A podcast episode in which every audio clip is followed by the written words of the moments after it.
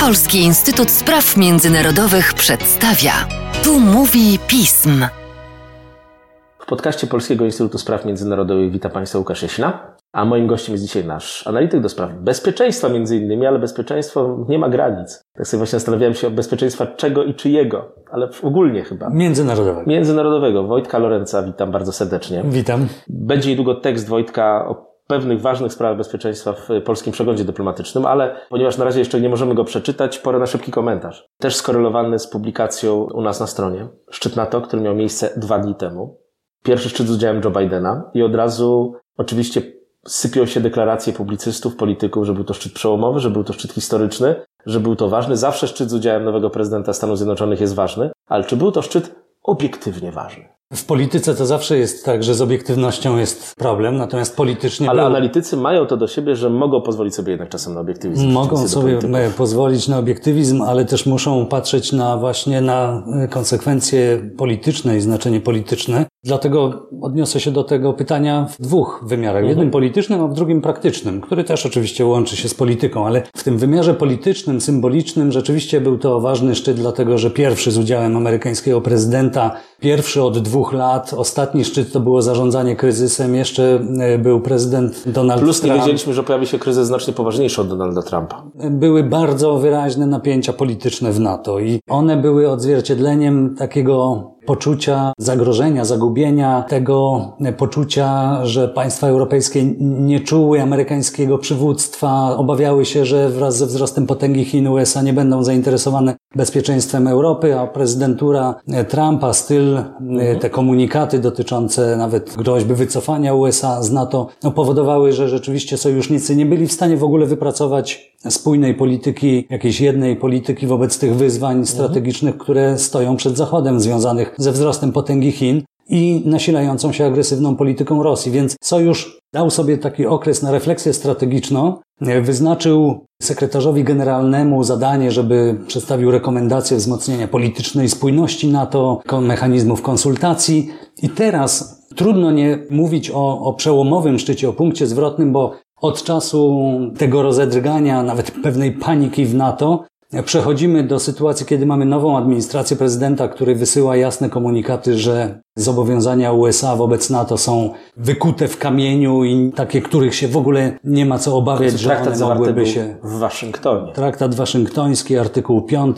Biden wysyła jednoznaczny sygnał, że USA są gotowe wypełnić swoje zobowiązania, zobowiązania kolektywnej obrony. Oraz sekretarz generalny ten okres wykorzystał prawie dwóch lat do wypracowywania konsensusu w sprawie głównych zmian w polityce NATO, dostosowania NATO do tych dwóch, wydawałoby się geograficznie przecież zupełnie różnych zagrożeń ze strony Rosji i, e, i ze strony Chin. I w tym komunikacie ze szczytu rzeczywiście widzimy, że ta spójność zachowuje Właśnie. się. Przerzucano się w ocenach dziennikarskich i wyliczaniu, ile razy pojawiło się tam słowo Chiny, ile razy pojawiło się słowo Rosja. Mógłbym Cię poprosić, Wojciechu, o krótkie skomentowanie tego, jak generalnie ten komunikat poszczytowy wygląda. Co tam jest najważniejsze, co wysunęło się na plan pierwszy, a co tak troszkę znika, co jest pewnie jakimś sygnałem także ze strony państw, członków. Bardzo wyraźne jest to, zawsze na taki komunikat trzeba patrzeć po pierwsze w całości. Niestety on jest długi i ma ponad 70 y, punktów. Ważne jest rozłożenie akcentów, to co zostało powiedziane na temat Chin, to co zostało powiedziane na temat Rosji,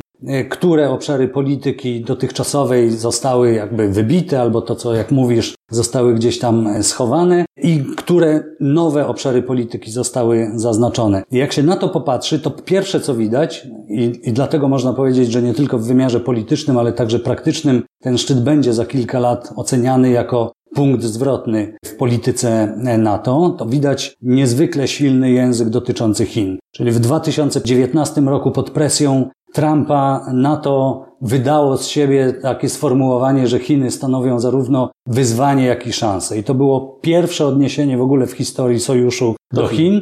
I na tym się skończyło. Teraz Chiny pojawiają się 10 razy, są nazywane wyzwaniem systemowym, a więc to jest nawiązanie do tego języka pojawiającego się w strategiach amerykańskich, że USA wchodzą w okres rywalizacji z rywalami systemowymi Rosją i Chinami. Systemowymi dlatego, że stanowią zagrożenie dla całego systemu międzynarodowego, dla tego porządku międzynarodowego budowanego od II wojny światowej pod amerykańskim przywództwem i którego stabilność opierała się na e, amerykańskiej potędze militarnej, gospodarczej i politycznej. Więc Chiny wyzwanie systemowe, jednocześnie wyzwanie dla wielu obszarów bezpieczeństwa NATO. Wymienione są w kontekście zagrożeń w kosmosie, w cyberprzestrzeni, zagrożeń hybrydowych, swobody morskich szlaków komunikacyjnych i co najważniejsze albo bardzo istotne, powiązane jest zagrożenie ze strony Chin z zagrożeniem rosyjskim. Wskazane w komunikacie jest to, że Chiny współpracują w wymiarze militarnym z Rosją i także na obszarze euroatlantyckim. To wszystko stanowi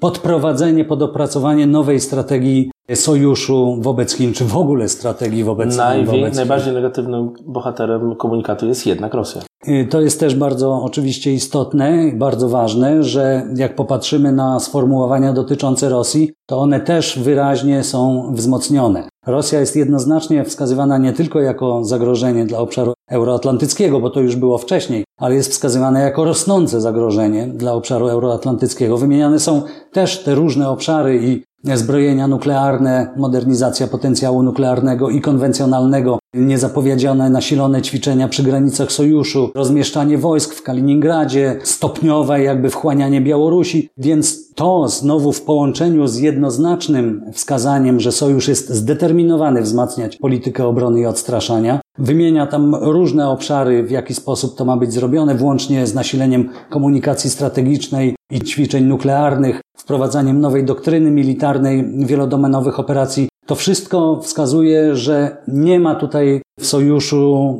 żadnych prób ignorowania zagrożenia ze strony Rosji. I te dwa elementy są absolutnie kluczowe dla, dla nowej strategii NATO, będą kluczowe dla działania NATO w następnym dziesięcioleciu i dla spójności euroatlantyckiej, dlatego że to częściowo pozwala rozwiązać ten problem, te obawy europejskich sojuszników, że USA koncentrując się na zagrożeniu z Chin, a e, Europa niezdolna do wypracowania wspólnej polityki, to będzie powodowało, że znaczenie NATO, współpracy z Europejczykami rzeczywiście mogłoby tracić na wartości, na znaczeniu dla O USA. zdolności NATO do obrony i ostraszenia przeczytają Państwo więcej w komentarzu Wojciecha, ale takie drobne pytanie, na które już trochę odpowiedziałeś, będzie to pytanie podsumowujące. Bez względu na definicję relacji transatlantyckich, która jest taka trochę tricky, jak się teraz mówi w 2021 roku i być może co innego oznacza dla nas, co innego dla Angeli Merkel, co innego dla prezydenta Bidena. Czy można zaryzykować stwierdzenie, że relacje transatlantyckie uległy po tym szczycie poprawie? To jest na pewno szczyt, który wysyła jednoznaczny sygnał, że Stanom Zjednoczonym zależy na bardzo dobrych relacjach z europejskimi sojusznikami.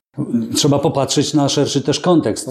Biden wziął udział najpierw w szczycie G7, największych demokratycznych gospodarek Unii Europejskiej. Większości europejskiej zresztą. Tak jest. Potem mamy szczyt NATO, Potem e, mamy szczyt Stany Zjednoczone, Unia Europejska. Amerykanie doskonale, przynajmniej ta administracja, doskonale zdaje sobie sprawę z tego, że bezpieczeństwa europejskiego nie uda się zapewnić w optymalny sposób bez bliskiej kooperacji USA z Unią i współpracy Co jest ważne, bo zdarzały z się Unią głosy Europejską. pokazujące, że obydwie strony mogą sobie poradzić bez siebie, ale chyba jednak Tak jest, w roku no to były- 2021 wszyscy są mądrzejsi. To były, to były sygnały, jednak Trump traktował Unię jako rywala Stanów Zjednoczonych, a Unia odgrywała się, i czy niektórzy przywódcy, grając tą kartą, że jeżeli Amerykanie tak pogrywają, to my będziemy budować jakąś autonomię strategiczną w niektórych e, obszarach. I to się e, w tej chwili oczywiście mm, odsuwa na bok. Chciałoby się powiedzieć, że to idzie w niepamięć. To nie prawda. Jednak administracja, styl rządów i to, co politycznie się dzieje w Stanach Zjednoczonych, odcisnęło piętno na wielu państwach i osłabiło zaufanie do USA. No,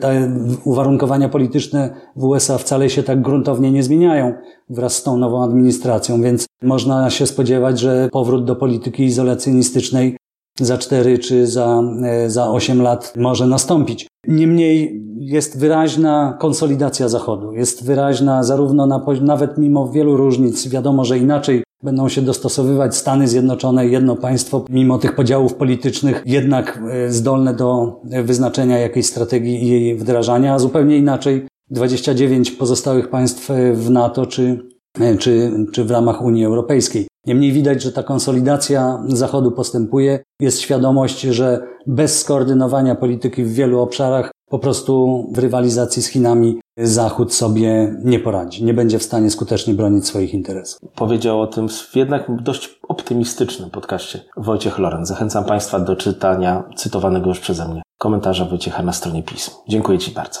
Dziękuję bardzo.